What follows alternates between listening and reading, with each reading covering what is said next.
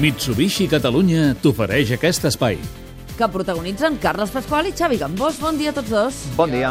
Susana Monge, la vicepresidenta econòmica del Barça, va parlar ahir al Club de la Mitjanit. Com afectarà l'economia del club la recuperació dels terrenys de Can Rigal, que són 47 milions d'euros? Doncs home, mira, escoltant-la fa l'efecte que la repercussió serà mínima, ni pèrdues econòmiques, ni menys diners per fitxar en el cas que aquests 47 milions d'euros quedin imputats a l'exercici que ara es tanca. una de les coses que té eh, anar generant beneficis i anar generant reserves i patrimoni net pel club és que quan arriba un pal imprevist d'aquesta mena doncs eh, pots eh, eh, tenir el coixí no? per, per poder solventar-lo. I Joan Laporta ja els diu que ell no el facin responsable d'aquest contracte que va firmar el 2005. Ho ha explicat a TV3.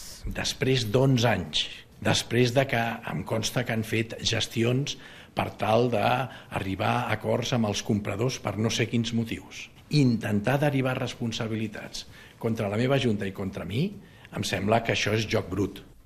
Això és joc brut, diu Joan Laporta. Susana Monge ha qualificat de defectuós el contracte perquè no fixava cap data d'entrega dels terrenys a la immobiliària. Xavi, tenim un nou front obert. Li veu recorregut en això o no? judicial, entre bàndols, entre, entre faccions del Sí. Barça, vols dir? No, Sí. jo crec que no. I, I ahir Susana Monge ja va dir que ningú no s'esperés cap acció de l'actual directiva demanant responsabilitats a, a antics dirigents. Jo crec que no anirà, aquí, no anirà per aquí eh, la cosa.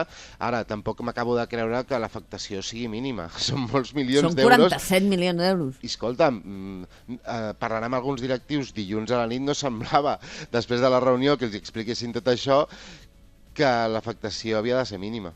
Avui tindrem el primer finalista de l'Eurocopa. Deixem el Barça Mira. un moment. Avui juguen qui? Portugal i País de Gales, un partit que està presentat també com un duel personal entre dos jugadors del Madrid, Gareth Bale i Cristiano Ronaldo. Tens un favorit, Xavi?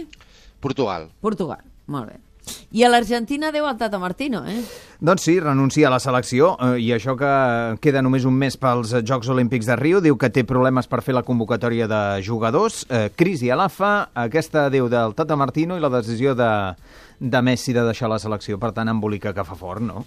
I tant. Uh, Te'l creus, a Xavi Campos, a Mourinho, quan diu que no traslladarà l'enemistat amb el Pep que es va viure durant la Lliga Espanyola a la Premier? Potser ho intenta, però jo crec que, que aquella tensió... Que la va cabra viure- tira al monte, no? Sí, sí, en el, algun episodi tindrem de, de dir així. Mourinho a l'atac, però crec que, que la tensió no arribarà als nivells que va haver-hi aquí fa uns anys. Creuem els dits i toquem fusta.